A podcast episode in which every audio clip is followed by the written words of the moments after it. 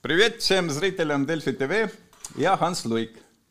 Я издатель э, сам, самой крупной, э, самого крупного новостного, новостного портала в Эстонии, Латвии и Литве Дельфи. И с нами уважаемый Марк Фейгин, правозащититель, адвокат в прошлом, и заодно вы были ведь э, членом Госдумы в России и вице-мэром города Самары. Приветствую. Так, приветствую, Ханс, приветствую всех зрителей Делфи. Рад всех видеть. Заранее извиняюсь за э, свой такой балтийский русский язык, но должен вам сказать, э, Дмитрий Гордон меня понял, мои вопросы. Давайте мы начнем э, с вашей связи с Эстонией. В далеком 2014 году вы были согласны представлять нашего офицера наших спецслужб Эстона Кофера. Защиты, защиты, защиты не понадобилось. А раз столько уже времени прошел, вы можете говорить, вот э, он какие-то ошибки делал, зачем ему было влезти туда на границу Эстонии, России. Еще с российской стороны говорили, что там 5000 долларов в кармане были и, и, и еще револьвер. И... Что это было такое? Но он э, был на границе и не переходил ее. Он оставался на линии, но на эстонской стороне. А они его вытащили. Они его оттуда вытащили. А вы уверены, что линия была? Там никакой там ограды никакой нету? Но тем более, с чего бы им было его утаскивать, если нету очевидного нарушения границы, понимаете? А, это была оперативная игра. Вот. Э, он был втянут в нее. А, и он был нужен, потому что его потом в дальнейшем поменяли. Да. А, действительно, ко мне обратилось э, эстонское э, консульство, ну, посольство. Посол обратился с просьбой, чтобы я а, взялся за это дело. Но главным было встретиться с господином Кохвером в Лефортово. Я с ним встретился. Я с ним встретился, он не мог говорить свободно, поскольку нас прослушивали органы ФСБ. Но он отказался от моих э, услуг адвоката, хотя меня наняло консульство. Я подписал соответствующий договор, но видите как, была предложена, видимо, изначально схема обмена. И он это понимал, ему это объяснили. Вот. И политическая громкая защита в эти планы не входила. Это часто так бывает. Это не то, чтобы э, в деле Кохвера так получилось. Просто э, если речь идет о спецслужбах, то вы же понимаете, там особые обстоятельства действуют. И я, собственно, поддержал это. Я сказал, что это правильное решение. То есть, э, если это дает возможность для обмена, его осудили он вину, э, так сказать, э, насколько я могу судить в дальнейшем, вынужден был признать. Это было условием его обмена. я, думаю, я, я вам могу вам э, вас извещать, что он, наверное, большие ошибки не, не сделал, потому что он и сейчас работает в нашей спецслужбе. Вы, вы знаете, у нас страна маленькая. У меня хутор в Южной Эстонии – он возле моего хутора днем бежит. Я думаю, что он действовал по инструкции. Мое да. такое мнение, когда его захватили, я думаю, что он действовал по каким-то вашим внутренним инструкциям. Он действовал так, как положено ему было действовать, он выполнил инструкцию. А давайте, давайте дальше. Вот его поменяли в рамках там обмена, обмена там э, осужденных э, на Алексея Дрезена. Этот мерцавец и предатель был, заведовал у нас так, так называемым русским отделом в нашем КАПО, то есть политической полиции, да. И, эм, и он как раз, как раз этим должен был заниматься, когда мы, наши власти, там в седьмом году, они отодвинули бронзовый солдат, вели его в кладбище, на кладбище и все такое – ну, мой вопрос такой. Я видел э, один ваш стрим, где вы очень рады были тому, что исследов... Э, исследовательская организация Bellingcat нашли каких-то следов по метадате этих людей из Украины, которые ходили на встречи с российскими спецслужбами, там, ну, ФСП, я не знаю, в Таиланде, в Египет до войны. И они какие-то деньги принимали, часть из них был контрагентом, то, что что приятно им, конечно, было и украинскому народу, что Российская империя дала, дала деньги, кэш там говорилось о 5 миллиардов долларов, я не знаю, там через Медведчука или как. И этот список где-то есть, вы его видели, потому что вы тогда говорили, что это список такой влиятельный, что у вас личный список агентов, предателей, там, короче, а этот список вы видели? Я знаю лиц отдельных, которые между прочим, с начала войны были либо арестованы, либо покинули территорию Украины. А, абсолютное большинство из них как раз было на а, оперативной связи со спецслужбами российскими. Вот, в основном занималось...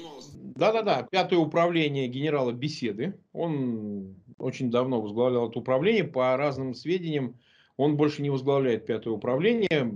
Ходят э, предположения, слухи о том, что его он арестован, он точно отстранен от должности, но вот насчет его ареста я не могу подтвердить, потому что а, таких лиц высокопоставленных либо держат в Лефортово, в изолированной его части, это тюрьма Лефортово, э, знаменитая, печально знаменитая тюрьма, но из тех сведений, которые я получаю от адвокатов, которые посещают тюрьму Лефортово, они не подтверждают наличие в тюрьме Лефортово генерала беседы. Это первое, это очень важно. А, он может находиться и под домашним арестом, и в э, специальных тюрьмах, они есть в России, для столь высокопоставленных лиц э, из э, Лубянки. Поэтому его мы не можем проверить, действительно ли он привлечен к ответственности. Но э, там два аспекта. Первый это действительно потрачены гигантские деньги, речь идет о миллиардах, безусловно. Это не миллионы долларов, не сотни миллионов, это миллиарды долларов за многие годы, не за один какой-то период.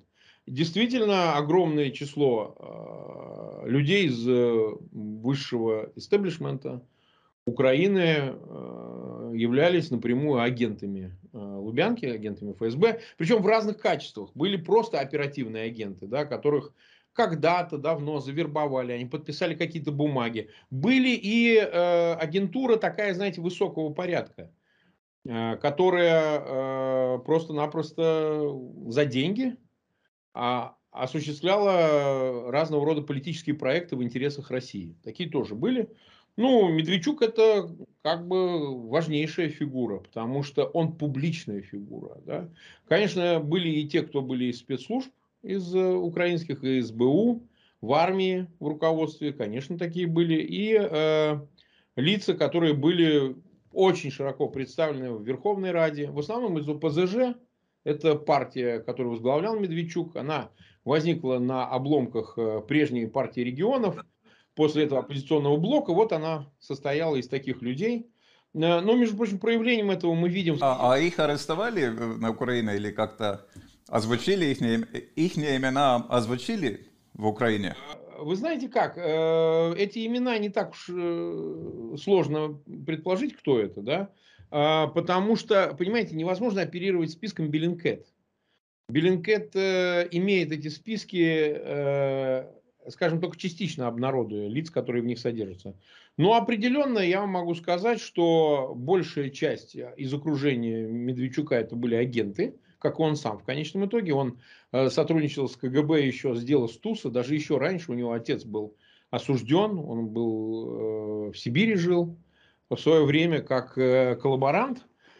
Вот, но многие из тех, кто являлись прямой агентурой, они либо покинули Украину, либо сейчас находятся под следствием в СБУ. И, естественно, эти дела а, с государственной тайной мы не можем знать о всех обстоятельствах. Но кто-то стали открытыми коллаборационистами. Вот, например, Ковалев, а, э, вот этот депутат, бывший э, на юге Украины, а, Стремоусов. Это все прямая агентура, которая была, была так сказать, э, привлечена к публичному управлению на территориях, которые были захвачены. Это прямые агенты.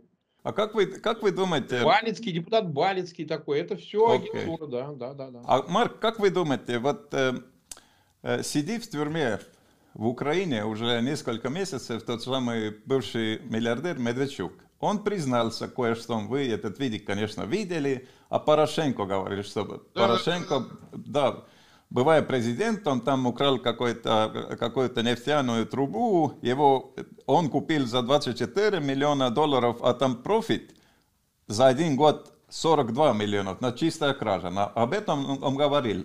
А как вы думаете, он уже признался там в тюрьме об этой деятельности, о которой мы говорили, о, о, э, о попытках создавания пятого колонна?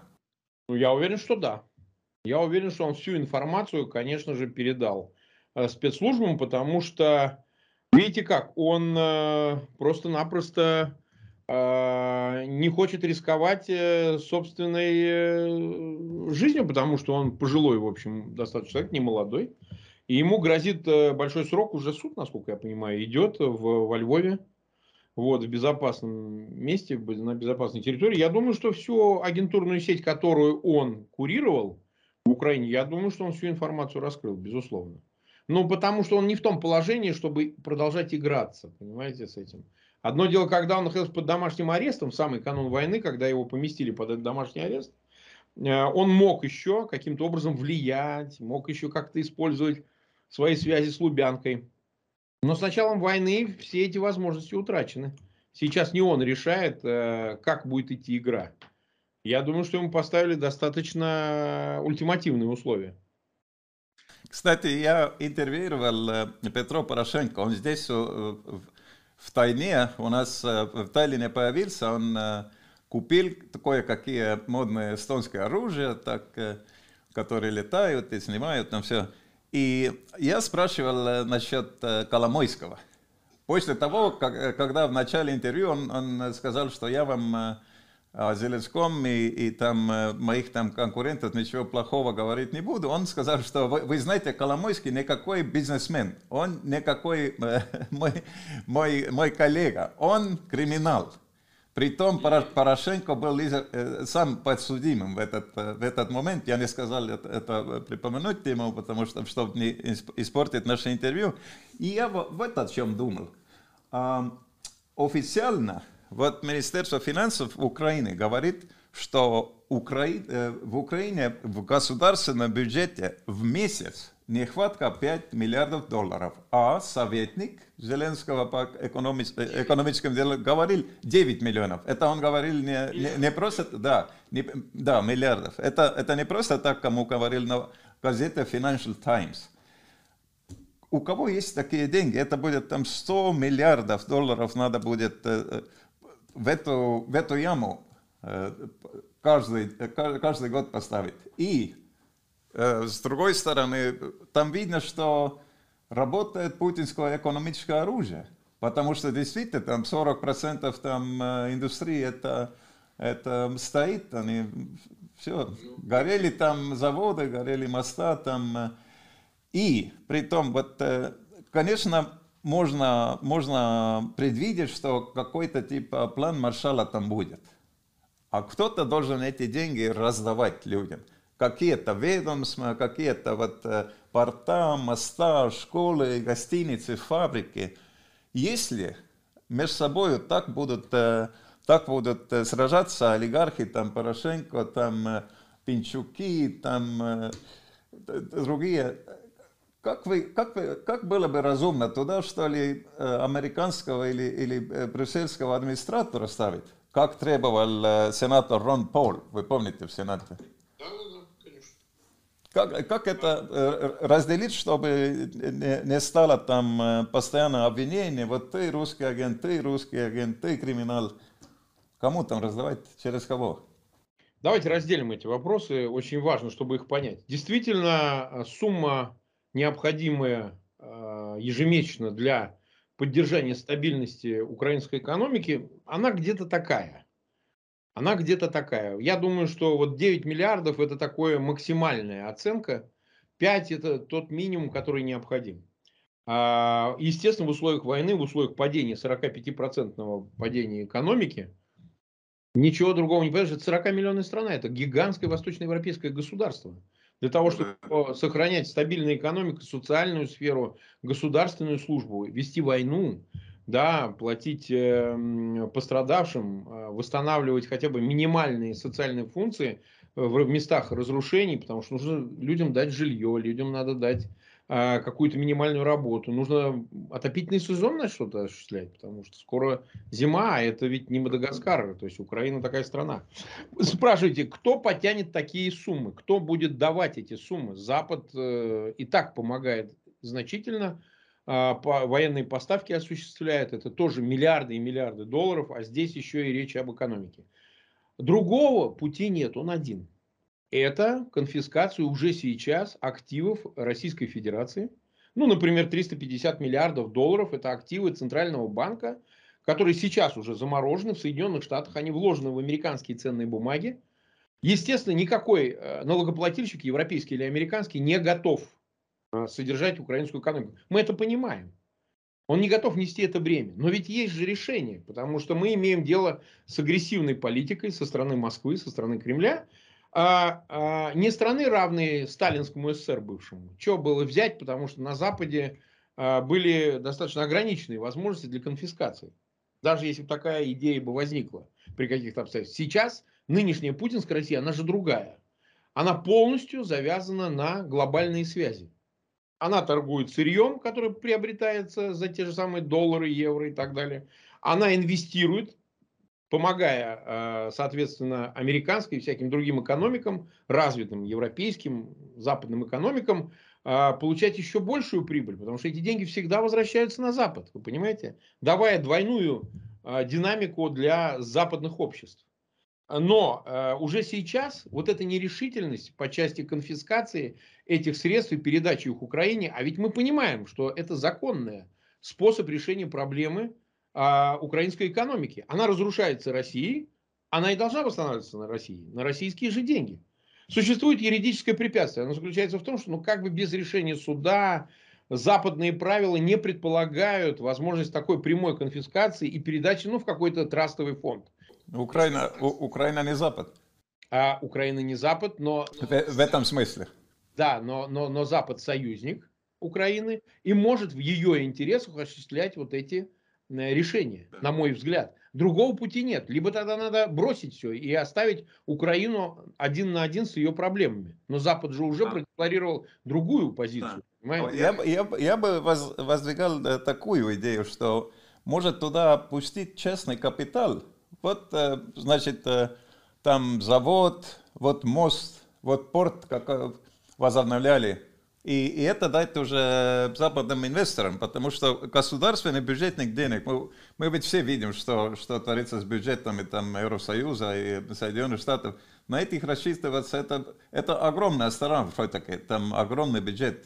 Там, наверное, не будет нехватка там, э, э, для школы, больниц. Это, это ужасная ситуация, если такая нехватка. Хорошо. А, говорим э, о оптимистических темах. Очень красиво украинцы или кто-то долбит по Крыму.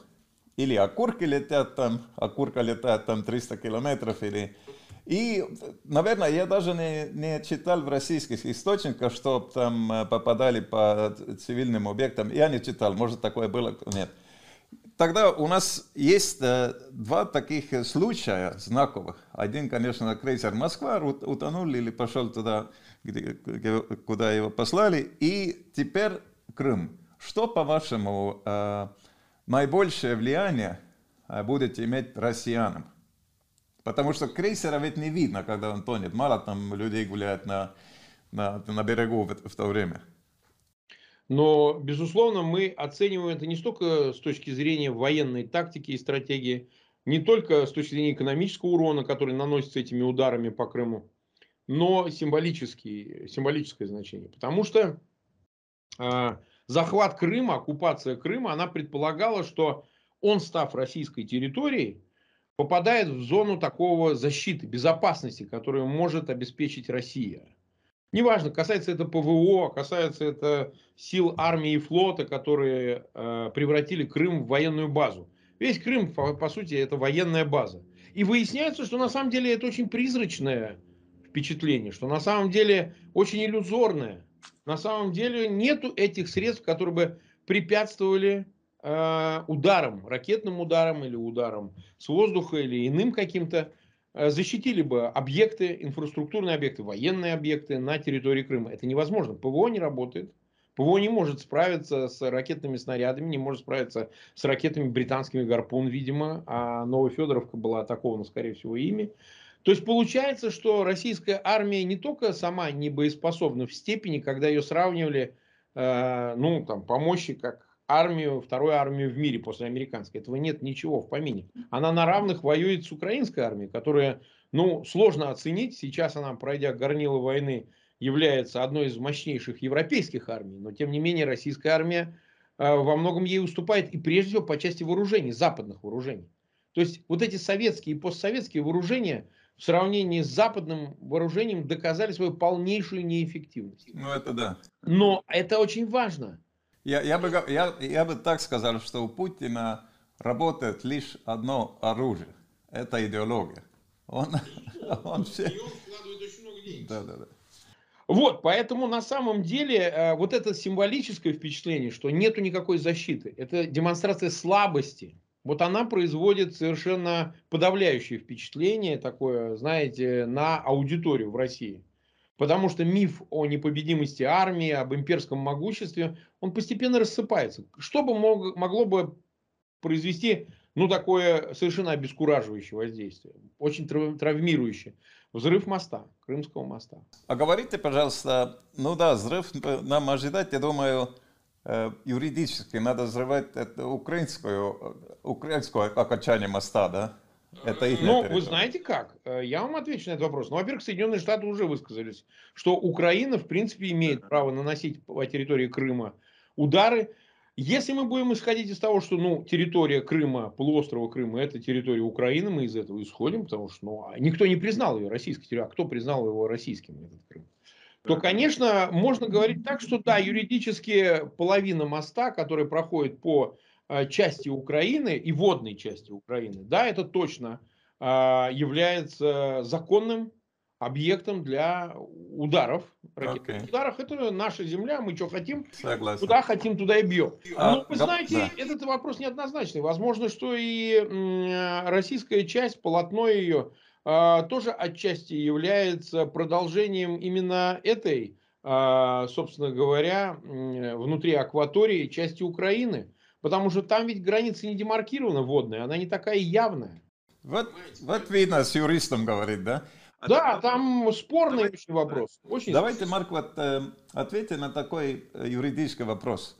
Трусливые и зверские законы в России, они устанавливали такую ситуацию, что если кто-то выходит, побежит из Крыма, который сейчас часто бывает, там мост, мост задолбен там машинами, и будет говорить в России или в интернете писать, что там, э, там идет война, наши там, наши бьют, там наши, наши, нашу артиллерию, артиллерию уничтожали, за их наказывать, за это наказывать их.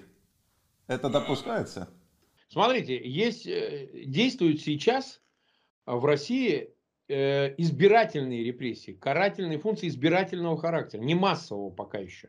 Чем отличается, собственно говоря, авторитарная система и репрессии в ней и от тоталитарной? А, они везде имеют функциональный характер. Без репрессий ни одна система не живет. Она должна э, постоянно создавать условия для того, чтобы предотвращать угрозы. Потенциальные, реальные и нереальные.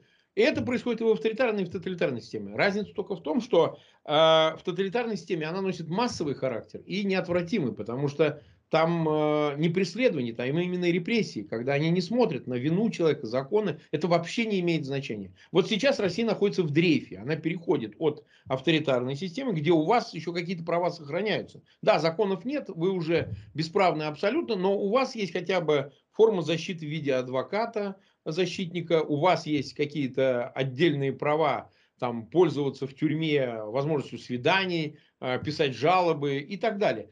А сейчас уже в силу масштаба и разворачиваемых этих репрессий, эти свободы и права сокращаются. Ну, то есть реально вы уже толком не можете рассчитывать на обжалование своих решений, вообще в принципе лишаетесь такого права.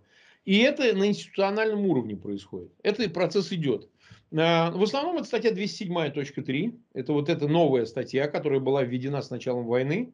фейки о российской армии, то есть войну нельзя называть войной, ну и так далее. Надо называть специальной военной операцией и много чего. Но, повторяю, они избирательные, то есть это не всех привлекают к ответственности. Они выбирают самые э, интересные для них фигуры, причем э, соображения могут быть различными. В регионах одни, в центре, в Лубянке другие. Э, значит, э, то есть это, это не имеет единого единого э, какого-то условного распорядка.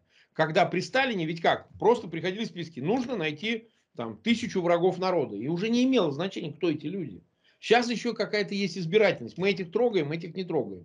Вот Хорошо. когда это уйдет, и когда просто будут по плану набивать, набирать вот этих э, обвиняемых, тогда можно будет говорить, что Россия окончательно погрузилась в состояние тоталитарных репрессий, но для этого еще много чего должно произойти. То есть мало. Нужно подавить окончательно свободы. Две последних – это свобода выезда и въезда и свобода пользования, обмена информацией, интернета. Как только их не станет, да, уже тогда репрессии примут массовый характер. Скажите, пожалуйста, э, вот такая, такая тема трагическая, трагическая. Э, в чем они будут обвинять членов батальона Азов? Они защитили свой город Мариуполь. Что, во взглядах, что ли, в тату, что ли? И друг, другой вопрос здесь же. Зачем их отдавали?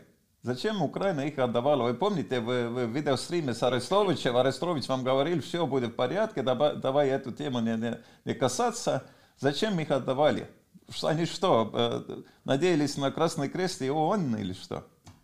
Ну, я могу сказать, что я всегда испытывал скепсис и всегда высказывал по этому поводу свой скепсис. Я слишком хорошо знаю Россию, Россию да? слишком хорошо знаю российскую сторону, чего она хочет. А, я думаю, что когда им отдали приказ сдаться в плен, прекратить защиту Азовстали, это две с лишним тысячи человек, которые оставались на этом заводе, а, действительно выбор был или их убьют одновременно всех, там где-то 2200-2300 человек, а, и ультиматум был именно такой, мы убьем их всех. Российское командование передало этот ультиматум. И, в общем, находившись в очень тяжелом положении выбора или-или, Э, сам Зеленский принял решение все-таки поверить э, Красному Кресту, Гутиерошу, который, видимо, убеждал его, что будет контролировать этот вопрос международным посредником. Я думаю, что к этому имели отношение Эрдоган, и, возможно, Макрон. Мы не знаем всех деталей, это сохраняется тайна вокруг этого. Но я думаю, что он им поверил, он доверился в том, что они будут защищать этих военнопленных, так как этого требует Женевская конвенция, так как этого требуют законы, международные правила и обычаи. Этого не произошло, и это было предсказуемо. Мы видели, что в Еленовке сознательно были убиты несколько десятков, по разным оценкам, от 50 до 70 человек, просто были уничтожены путем термобарического взрыва. И уже клетки э, строятся в Мариу... Мариупольском театре. Это из пропагандистских целей. Они хотят показать, а, как они будут расправляться с любыми, кто окажется в их руках э, защитниками Украины это попытка напугать, внушить страх. Но и, с другой стороны, оправдаться перед собственным э, аудиторией, мы ее называем ватной, да, которая требует крови. Мы же видим, они постоянно говорят, что их надо казнить. Никто не понимает, за что их казнить. За свастики, за что. Никто не понимает. На самом деле, так сказать, ничего другого, кроме защиты э, тех городов, которые являются украинской суверенной территорией, они ничего не делали.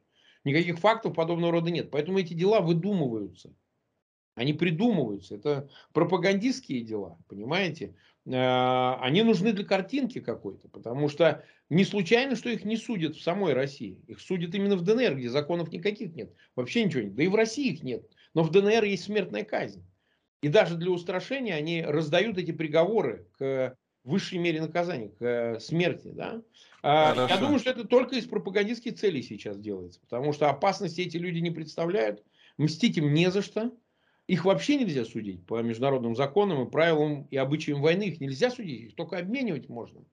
Если они совершали военных преступлений, но вопрос о военных преступлениях не решает страна, которая их пленила. Это решает международные органы, универсальной юстиции, понимаете? Как не вы думаете, как, как вы думаете, да, как вы думаете, украинцы будут э, бить по театру Мариуполя? Это ведь унизительно. Их люди там в клетке, их, их вояки там.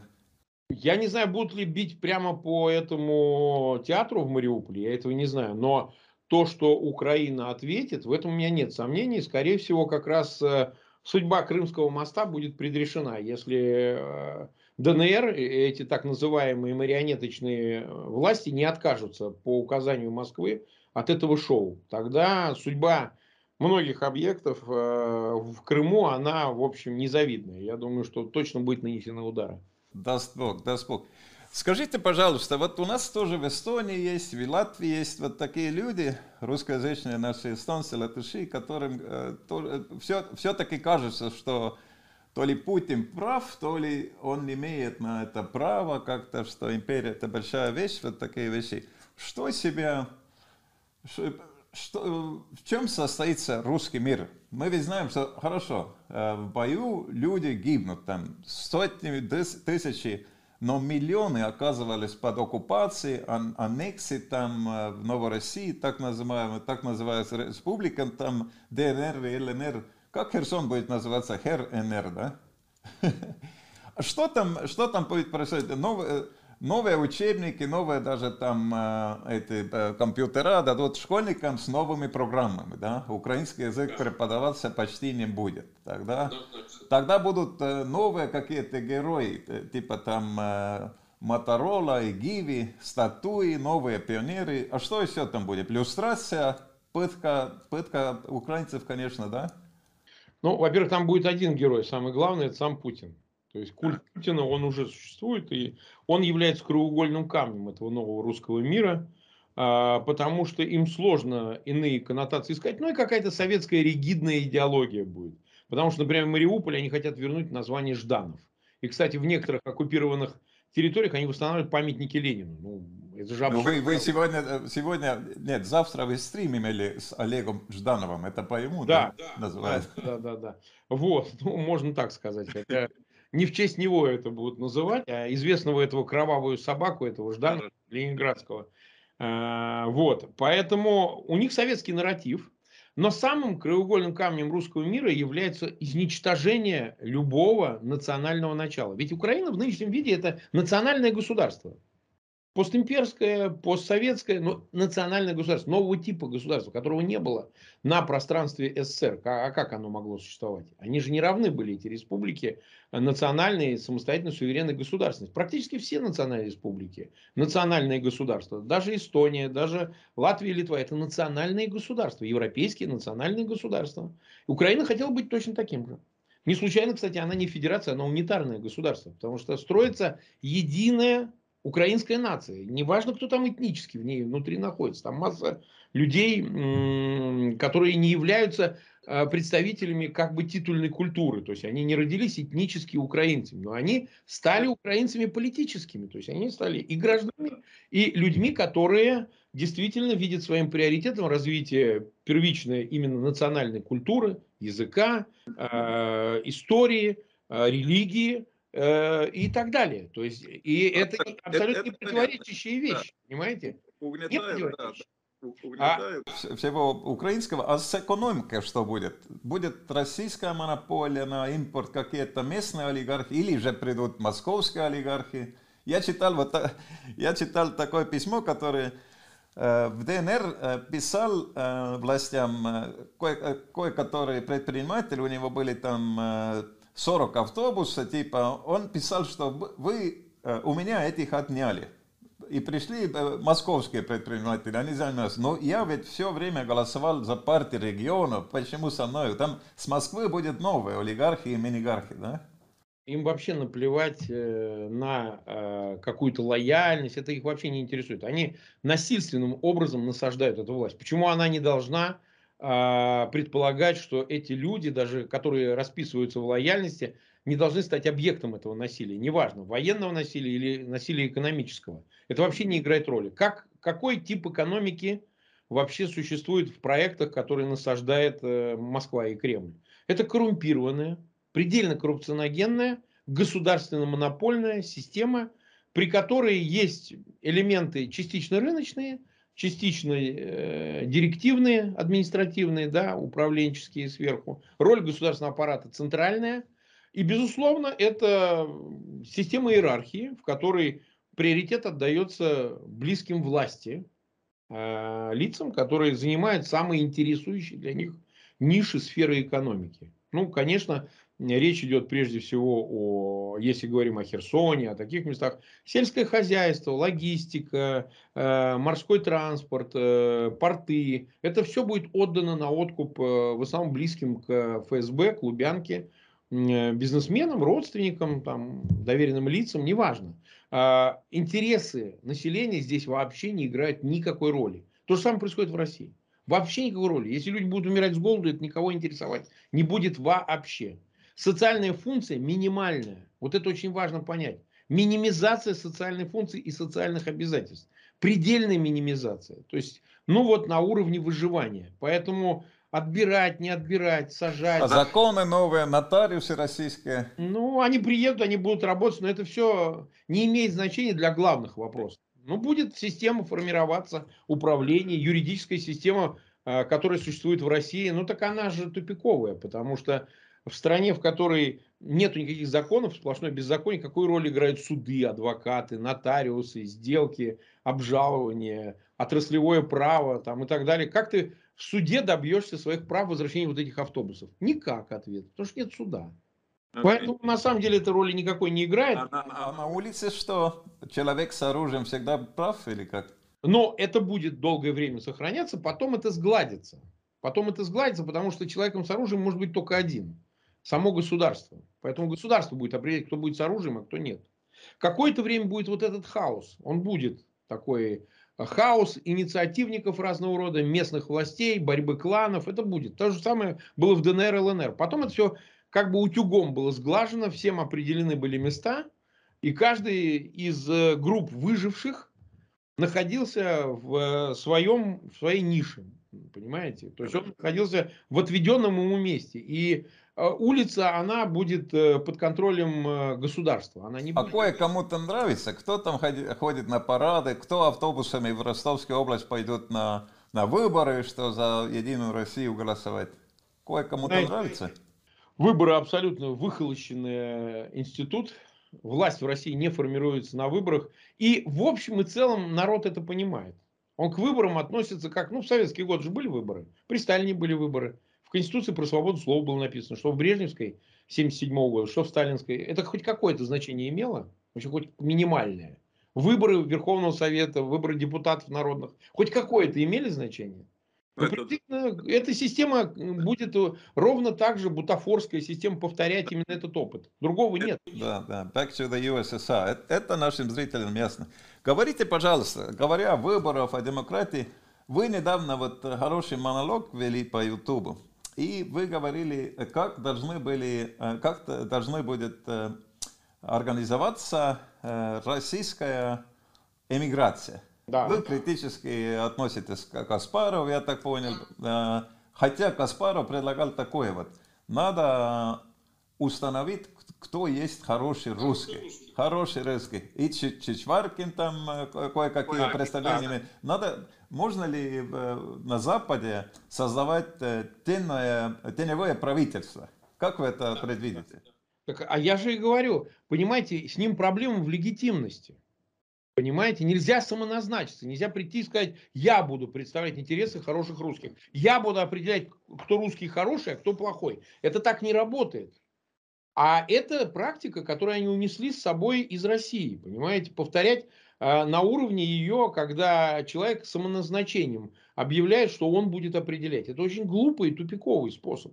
Я глубоко убежден, что для этого нужны процедуры, которые позволяют выявить такое право, да, а, чтобы его наделить этим правом. Выборы в эмиграции.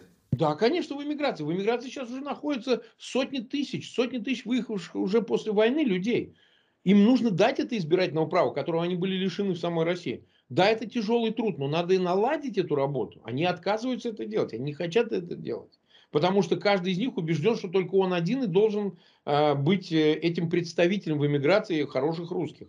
Но это так не работает, потому что а легитимность достигается, она никогда по-другому не достигается. Авторитетом, завоеванным поддержкой, а не просто авторитетом. Так, а, а поддерживать, а, а, придумать какую-то инициативу. Вы ведь были членом Государственной Думы, вы, вы даже были членом делегация переговоров чеченцами во время Первой Чеченской войны, я читал. Может, вы продвигаете какую-то идею? Не, идея здесь очень простая. Мы живем в 21 веке. Мы не живем в веке 20 уже, понимаете? Технологии в этом смысле являются инструментом для э, выявления вот этого общественного мнения. Да? А мы видели этому примеры, это хорошо работает. Там, где это работает свободно, независимо, не подконтрольно государству, это дает очень высокий результат. Мы а, живем в условиях блокчейна, криптовалют, мы живем в условиях а, цифровых э, технологий, машинных технологий в области политического уже управления. Понимаете, чиновников скоро заменит робот. Ну, электронное голосование. В Конечно, Западе, но, но, но не такое, которое проводится в России. Его нету этого электронного. Это бутафория. Это же сами себе проводит голосование власть. Мы говорим о каких-то сторонних институтах, которые способны взять на себя этот функционал. Это дорогостоящее не быстрая, но все-таки достаточно эффективная процедура. Люди, если они хотят быть избирателями, как в Америке, они приходят регистрировать себя как избиратели, да? То есть реализовывают сначала свое активное право, потом, значит, есть э, такие же кандидаты, реализуют свое пассивное право. А, у нас есть экстерриториальность э, в том смысле, что мы не можем привязаться к избирательным ящикам, но мы можем привязаться к а, виртуальным избирательным ящикам. Мы вполне можем а, реализовать это право через процедуры, которые могли бы быть контролироваться независимым каким-то органом который состоял бы из американцев, там, не знаю, из европейцев каких-то, которые бы... И тогда у такого представительства возникает вес, политический вес. Послушайте, нас избрали 500 тысяч человек, нас там 10 или там, не знаю, 15 человек, и мы вправе принимать коллегиальные, не единолично, а коллегиальные решения. Там ты, ты, не вы, ты не вы, министр, может еще быть какими-то планами в будущем. Как это свет, светлое будущее России, да? Светлое будущее России. Э, прекрасная Россия будущего, они это называют, но э, вопрос не в этом. А, может быть, не надо заниматься управлением и должностями, нужно иметь представительство, оно гораздо важнее, потому что с практической точки зрения, не имея своего пространства, не имея налогоплательщиков, не имея аппарата, вы не можете осуществлять исполнительные функции. Но представительство, для него достаточно просто а, формирование такого представительного органа, который сможет э, определить критерии, начать работу по взаимодействию с теми же европейскими или американскими органами власти, а, представляя интересы тех русских, которые готовы себя ассоциировать с этим представительством. Не всех русских. Останутся те, которые за Путина, понимаете? Но пусть они представляют Путина, пусть Путин с ними взаимодействует. Но должна появиться какая-то среда, может это будет 500 тысяч человек, может миллион, я не знаю. Но которые скажут, нет, это наши представители, мы хотим, чтобы они наши интересы представляли. Вот как мне это видится. А когда собираются общественные дискуссии, а, форумы, на которых просто одно и то же обсуждается, и никто не готов поступиться самолюбием да, для того, чтобы а, проиграть. Может быть, тебе придется проиграть, такому как Каспаров или любому другому. Нужно рискнуть своей репутацией, поставить ее на кон перед избирателями. Вот и все. И мы не знаем, как решится этот вопрос, но это единственный способ, другого нет. Хорошо. Насчет э, э, того, кого верить. Кого нам э, в Балтии верить? Вот какие источники э, хорошие, точные, а, а какие просто или пропагандисты, или провокаторы, пап Капоне? У меня такой вопрос. Кем является так называемый генерал СВР? Это кто-то из Харькова или... Как это, это аноним, абсолютный аноним, который за ним стоит только он сам, видимо. А все остальное, ну как, анонимный источник, он всегда остается анонимным источником. Понимаете? Вы не можете э, с той же степенью достоверности к нему относиться, нежели к авторизированному источнику. Это разные вещи. Э, поэтому, честно говоря, я бы все-таки полагался на э, людей, которые авторизированы. Это важно. Которых есть бэкграунд, политическая биография. И вы понимаете, что эта биография не связана с э, властью. Э, я имею в виду путинской властью с э, непосредственным отношением э, к Путину, Лубянке и так далее. Это важный критерий, очень важный критерий. И третий важный критерий, чьи деньги. На какие деньги это все осуществляется. Это очень важно. Современный мир материален. Тут очень многое повязано на деньгах. Деньги определяют э, многие стороны, в том числе информационной политики. Поэтому если это ангажированный источник, ангажированный деньгами, ну разные деньги бывают. Деньги бывают чистые, грязные, всякие бывают деньги – Это нормально. Но, еще раз повторяю, это должна быть транспарентная а, система, в которой ты знаешь, что это финансируется на эти деньги или это финансируется на другие деньги. Вот это важный критерий, мне кажется. Хорошо. Э, как вы относитесь к новым идеям Генри Киссинджера? Уже почти сто лет, сто лет ему, что частично в НАТО войти, частично там отдавать что-нибудь. Что там будет? Это, это надо воспринимать серьезно? А, ну, если относиться вот к этим последним его а, заявлениям, которые сделаны в интервью были и так далее, относительно членства в НАТО Украины, я думаю, эта идея совсем не глупая. Она выдержана в его же ключе реал-политик, безусловно. Она вполне соответствует его прежнему бэкграунду. Даже когда он комплементарно относился к Путину и частично оправдывал его э, действия, скажем, в ряде э, политических событий, политических конфликтов. Сегодня это более трезвый взгляд он основан на представлении о том, что а, современному миру пока еще, во всяком случае, не избежать, не избежать деления на зоны влияния. Не избежать. Это очень сложно сделать. Не потому, что там Соединенным Штатам хочется оставаться э, страной, которая является источником этой политики, а просто потому, что так складываются обстоятельства. Мир изменяется в сторону того, что снова появляется зона влияния. Есть западный мир – да, он коллективный Запад, который совершенно четко очерчен. Мы понимаем, кто это. Это страны политической демократии, западной политической же культуры, а, европейской культуры, страны, с, желающие сохранять это единство этой культуры. А есть противостоящий ему цивилизационный иной полюс. Это прежде всего синская цивилизация, это Китай, который демонстрирует совершенно обратный пример. Причем это не вопрос идеологии капитализма, социализма, как это было прежние десятилетия в 20 веке, когда это противостояние объяснялось исключительно средств, э, на, э, собственность на средства производства. Это же не так вопрос стоит. Вопрос стоит о цивилизационных приоритетах. Какие они у западной цивилизации, какие они у китайской цивилизации, азиатской. А, соответствующим способом производства, азиатским способом производства. С... Типа, типа воровства патентов, да? Ну, приблизительно и это тоже, да, понимаете. Но это же отношение к интеллектуальной собственности, это же тоже отражение культуры. Да. Вы же не будете спорить. Это же тоже отношение к достижениям и уважение. Да. Отражение старой культуры, старинной. Ну да, уважение прав, это очень важно. То есть, какие права действительно реально ценятся. А, э, и субмаргинального источника, утрачивающего в акматической фазе, это Россия. Это субмаргинальный гегемон на пространстве Евразии – который постоянно, постепенно утрачивает свое влияние, но продолжает пытаться создать отдельный третий полюс. Ничего из этого не выходит. Ну, э, война в Украине это ясно продемонстрировала. Это невозможно. Потому что нет никакой самостоятельности. У Китая появилось это самостоятельное качество. Он сам редуцирует технологии. Он сам воспроизводит научные достижения. Так уж есть, понимаете? Они воруют эти патенты, но они умеют это воспроизвести. К сожалению, Россия этого сделать не может. У нее нет ни научной, ни индустриальной, ни технологической базы, нет ничего. А вот, вот, вот, вот что интересно. Вот, э, у вас, э, э, я так полагаю, ваш президент, то есть российский президент Российского Госбанка, Эльвира Набиуллина, она, наверное, гений, потому что смотрите, что этот Эрдоган, диктатор, сделает со своей экономикой, со своими финансами. Вообще там э, инфляция там э, то 40, то 70 процентов и, и врывается тоже на мировую арену, не так ли? Как вы думаете, он, он что-нибудь достигает? Там Россия, Россия допускает, что, что Эрдоган наступает в Сирии, там берет позиции, там бывшие российские позиции. Нет, если говорить о Турции как о модели, то я не думаю, что экономика является главным а, аспектом взаимоотношений Москвы и Анкары. Потому что экономика производная от политики. Там главное это разделение зоны интересов. Потому что Турция претендует на региональный масштаб, тоже на гегемонию. В Причерноморье, в Закавказье, а, на территории Украины, по поводу Крыма.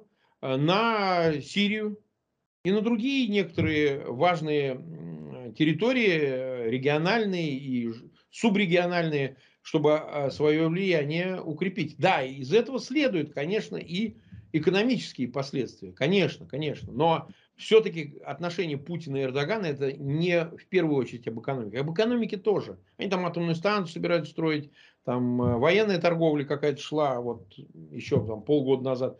Э, там Турция хочет стать э, таким узким горлышком, которое помогает Москве преодолевать санкции в отдельных отраслях. В отдельных отраслях. Для того, чтобы заработать на этом денег. Просто чтобы получить свою выгоду а вы, вы знаете, что интересно? Вот один высокопоставленный эстонец, Henry Hololei, он директор транспортного директората в, Брюсселе. Он сейчас занимается тем, чтобы конфисковать ворованные Россией эти Боинги и Евробусы, которых они воровали там э, где-то 460. Он 40 уже достигал и вернулся к собственникам. Кстати, один из собственников там есть китайцы. Это лизинг, э, лизинговые фирмы, да, они регистрированы в Ирландии, но китайские самолеты, китайские деньги тоже. А Турция всех отдавал. Например, Египет не отдает ни, ни россиянам, ни собственникам самолета, просто сидят, сидят там в, в песке где-то. И, и Армения отдавала. Вот так, Ереван отдавал. Хорошо, давайте э, закругляться, у меня еще два таких вопроса. Во-первых, во-первых, где вы находитесь, Марк? Я в Западной Европе. В Западной Европе. В Западной Европе. Не у нас, да, а то пришли бы, видео сделали в студии. Нет, я не, не в странах Балтии, нет, я нахожусь на самом западе Европы. Это связано с моей безопасностью, мне много угрожают, поэтому я в Западной Европе пока. А как же, как вы относитесь к запрету визам россиянам? Вы знаете, я э, уже много раз на этот вопрос отвечал. Я все-таки, в отличие от большинства россиян, которые возмущаются этому, я отношусь к этому с пониманием. Мне это не нравится, но я отношусь с пониманием. Я понимаю, что этот железный занавес, я об этом уже много раз говорил, опускается с двух сторон. Да, Москва, сам Кремль э, осуществляет эту э, работу для того, чтобы э, фильтровать, контролировать право выезда и въезда. Они под предлогом безопасности э, значит, пытаются лишить этого права граждан России. Это же уже было, это советские годы. Но ведь и Запад, он в ощущении, что отсюда исходит угроза, пытается защититься. Это прежде всего форма защиты. Хотят таким образом отгородиться от опасной Москвы. И, честно говоря, сил разбираться, кто хороший, кто плохой, вот я не знаю, у стран Балтии нет ну, никаких. Потому а, что... а, а, если, а если какой-нибудь э, орган эмигрантов, коллективный орган эмигрантов, какой-то представитель, стал бы определять, кто хороший русский, а кто путинист просто? А ну, так надо его создать, сначала создать такой орган, понимаете, его же нету. Потому что э, выступать от имени кого, определяя, кто хороший, кто плохой, наверное, есть, давайте возьмем арифметику чистую. Значит, есть 140 миллионов россиян. Из них, допустим, миллионов 5 – это твердо те, кто выступает против войны, против Путина, и не нравится эта жизнь. А из них тысяч 50-70 всего лишь людей, которые активно против этого боролись. Понимаете, они выступали на митингах, они преследовались и так далее. Не больше, не больше, ну 50, ну, ну 100 тысяч это самый максимум. Определить вот этих 100 тысяч и должна вот это э, представительство в эмиграции э, хороших русских. Они должны сказать, вот за этих мы отвечаем. Остальные это на усмотрение самого Запада, хотят ли они рисковать или нет. Но даже и про этих 50-100 тысяч нужно решать вопрос сейчас. Потом будет поздно. Хорошо. Хорошо. Э, скажите, пожалуйста, вот э, раньше российские диктаторы были типа легалисты, там э, вторжая в Польшу, вторжая, вторжая к нашим соседям, финнам, они что, что они придумали, какую-то провокацию, даже в Чинхвале в восьмом году это делалось. Да, да, Теперь да. Как, какие там были поводы? Что они, они начали, начинали обрабатывать какие-то документации насчет так называемого там биооружия, геноцида, да, да, так да, называемого. Восемь лет геноцидов. Они нашли какие-то там, э, э, там какой-то памятник стоит э, убившим, то есть попавшим под расстрел там детей, по-моему, где-то в Донецком регионе. Но какие поводы? Что они... Я вам отвечу, в чем разница между финской войной, между странами Балтии, которые в 1940 году были оккупированы, и нынешними, нынешней историей. Она заключается в следующем. Ну, во-первых, тогда был идеологический мир. То есть все-таки даже Сталин придумывал поводы, оправдывающие, чтобы продемонстрировать это миру. Потому что были симпатизанты, была левая среда гигантская, Коминтерн, были... Э, Или сторонники... провокации сделали на, да, на, на границе. нужно было это демонстрировать вовне. Что свой народ было убеждать? Что их было убеждать? Они были подневольные рабы. При советской власти кто был? -то? Что их было убеждать? Сейчас немного ситуация изменилась. Сейчас мир убеждать вот этими всеми фантазиями относительно того, что Украина там биологическое оружие пыталась захватить. Сейчас модная версия, что она сама хотела напасть, и за два дня до нее, 24-го, напала Россия. Сейчас там это ага. при России. Вот да, что, что вот Украина что. напасть на Россию. Вы? Да-да-да, это сейчас модная версия. Вот, в армии ее сильно прокламируют, да и на пропагандистских каналах. Мне кажется, сейчас оправдания нужны только для внутреннего употребления. На Запад они уже не производят впечатления. Ну, они, они, они ведь в, в, в этот госсоветом ООН, они хотели поставить на обсуждение их какие-то факты о, о так называемом биооружии, созданными как бы и э, с помощью янкийских каких-то профессоров, они что-то, они а, дорабатывали это, потому что там в, это, в Государственной Думе есть свой комитет биооружия, они какие-то еще совещания ведут там. Я ничего такого убедительных фактов не видел. Пусть они представят просто, эти факты. Просто да. Пусть они продемонстрируют. Они же заняли, оккупировали эти территории. Покажите допустите комиссии соответствующие. Хорошо, вот конкретный пример. Вот сейчас Запорожская АЭС развивается. А почему комиссию МАГАТЭ не пускают? Почему не пускают наблюдателей? Понимаете, то же самое в Еленовке, то же самое в других местах с биооружием. Пусть приедут специалисты. Пусть приедут и исследуют эти вопросы. Какие проблемы? Вся история, возвращаясь к тому, что я говорил, выглядит так, что они убеждают собственное население. Значит, это, значит бред это терпеть все. и так далее. Его нужно убедить, что все не зря. А что убеждать Запад? Запад в это не поверит. Это бесполезно. Или украинцев убеждать. Они что, в это поверят? Обычно они, они какую-то херну зарабатывают. Вот такие факты. А, это еще в Думе говорили, что их есть, конечно же, какие-то украинцы, которые признавались. Да, там, ну, окей, это, это можно. Хорошо, все это, все это бред. Э, такой вопрос и последний. А, я очень люблю ваш стрим с э, Алексеем Арестовичем. Вы, в, э, в ваших шутках есть доля шутки, а доля, доля трагедии, потому что люди все-таки умирают. Так, а, а я тоже наблюдаю там Иларионова, Андрея, которым, с которым тоже имел честь делать интервью однажды здесь. И Иларионов так говорит, что Украина хорошо бьет хорошо бьет Хаймарсами, я надеюсь, и нашими эстонскими гаубицерами там кое-где. А что на полную атаку пойти, нету у украинцев бронетехники, еще чего-то нету.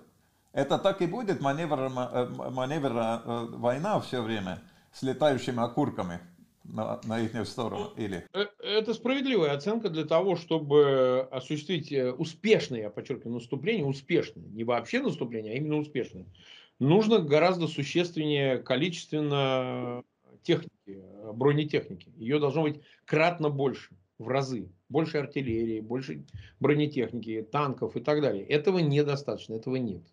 Для того, чтобы осуществить успешное, я подчеркиваю, наступление. А, действительно, сейчас э, эту функцию, эту замену осуществляет вот эти ракетная техника, РСЗО, Э, та артиллерия, которая имеется, и, в общем, которая должна поступить. Я думаю, и средства ПВО, и антирадарные устройства, вот эти э, ракеты, которые сейчас появились э, на вооружении в Украине, они тоже играют свою роль. Вот какая останется война? Позиционная, как вы говорите, маневренная, или же все-таки у нее будут какие-то новые какие-то тактика, новая тактика появится. Сейчас пока ответить сложно, но даже сейчас мы видим, что вот эти обстрелы ракетные, и мостов а, между правым и левым берегом Днепра, и объектов в Крыму, военных объектов, да, инфраструктуры военной внутри правого берега Днепра и в Херсоне, Новая Каховка, а, в других местах, они уже дают свой результат. Московское командование размышляет, размышляет об отводе войск. Оно размышляет. Э, проблема заключается в том, что они э, чем дальше, тем больше остаются без боеприпасов без возможности коммуникации, логистики, подвоза этих боеприпасов, там три моста всего, и они, два уже практически не работоспособны, ни Каховская дамба, ни Антонский. Возить по ним снаряды, технику невозможно, они провалятся просто, потому что они все избиты этими ракетными дырками этими ракетными, ракетными снарядами. Поэтому это проблема для удержания такого плацдарма, группировки в 30 тысяч БТГ, то есть почти 25 тысяч человек, это проблема. Солдатам надо есть, солдатам надо патроны, солдату нужны боеприпасы, новая форма, выходящие из строя, из строя техническое оборудование и так далее. Этого ничего нет. Э, топливо для танков и бронетехники. Это может скоро закончиться, понимаете, невозможно перевозить. Если огонь интенсифицируется по понтонным мостам, по переправам, по тем же уже, которые есть э, мостам, то тогда она просто останется голой, эта группировка. Вы знаете, есть один пример другие, э, других я не знаю, где российская армия завоевала территорию и э, по, э, по, по своей воле отступила без сражения. Это я недавно с семьей был на, на острове Готландия, очень стратегический остров, и туда перед наполеонской атакой вошла российская армия, сидели там говорили со шведами, понимали, что позиция нехорошая не, не и отошли. Давайте, давайте желать, что это был примером. Ну, нет, вообще российская армия даже и внутри этой кампании за 6 месяцев это делала. Они ну. подошли к Киеву и ушли от Киева и от Сумы, от Чернигова. А, знак они доброй воли, да? Остров Русский. Они оста... Э, то есть этот, э, как его? Змеиный. Змеиный, я прошу прощения, я уже про другое. Змеиный остров они оставили. То есть они уже отходили, когда понимали. Почему они оставили остров Змеиный? Так его обстреливали все время. Там постоянно гибли солдаты. Вот они, гарнизон, который там, он небольшой был почти, но он постоянно погибал. И они просто, а ради чего мы там сидим? Если бы была бы какая-то высадка в Одессу, и надо было бы это поддерживать огнем, обеспечить, тогда это имеет смысл. Но невозможно осуществить десант. Нету ни крейсера, нет ничего. Далее, когда они подошли к Киеву, ведь тоже они могли оставаться там, и группировка бы вся погибла. Там же самые большие потери были именно под Киевом, э, под Черниговым, ну, под Киевом больше всего. Ну, так если бы они остались, их бы добили там, и поэтому они вывели даже, сохранить численный состав. Поэтому да. это может случиться и на правом берегу Днепра. Другое дело, что цена будет намного выше, поскольку с правого берега Днепра при наличии вот этих РСЗО, Хаймерсов, можно обстреливать левый берег, Мелитополь, а, железную дорогу из Крыма. То есть теряет смысл вообще наличие всего этого участка, который до морской полосы. Он же очень узкий. Даст Бог, даст, даст Бог, даст Бог, Марк. Давайте я, я вам э, последним э, говорю, как я э, лично да. вот, сознавал, какие они все-таки звери, вот нынешняя российская, нынешняя российская армия. Мы с коллегами здесь и, и, и с приятелями из, из клуба Ротари, мы собирали, купили, отдавали Украине 75 машин скорой помощи. Там Мерседесы разные. Их мы, наши, наши люди вели на границу Польши с Украиной, а там украинская тероборона их взял э, и перекрасили. Перекрасили на, на зеленый коричневый цвет, потому что говорили, что российская армия долбят по машину скорой помощи. Вот такая вот армия. Да, это не секрет, это делается. Ну, погодите, они же не только скорой помощи обстреливают, они просто обычные города обстреливают. Вот Харьков, а, Мариуполь это было, поэтому Винница, Кременчук, мы не видим здесь никакой а, дифференциации целей, попытки избежать э, гибели мирных граждан, гражданского населения. Поэтому это ничего нового, мы видим эти примеры ежедневно. А, и мы понимаем, что это делается сознательно. Это не какие-то там случайные попадания. Это же происходит дальше и дальше. Вы можете один раз ошибиться, попасть куда-то и схватиться за голову, сказать, мы больше этого делать не будем. Но это же продолжается. Значит, логика именно такая. Заставить население, чтобы оно повлияло на Зеленского, и он пошел на мирные переговоры, на капитуляцию. Вот о чем, в чем тактика их заключается. Будет это или не будет, это второй вопрос. Население, скорее всего, не, не, не сможет и не станет влиять на Зеленского. Но то, что у них в голове именно такое соображение, именно такая последовательность, э, цепочка событий, которую они себе рисуют, то это очевидно. Что ж, Марк Фейгин, спасибо за ваше время. Да, не И да здравствует Украина, их скорая победа. Всего доброго. Всего доброго. До свидания.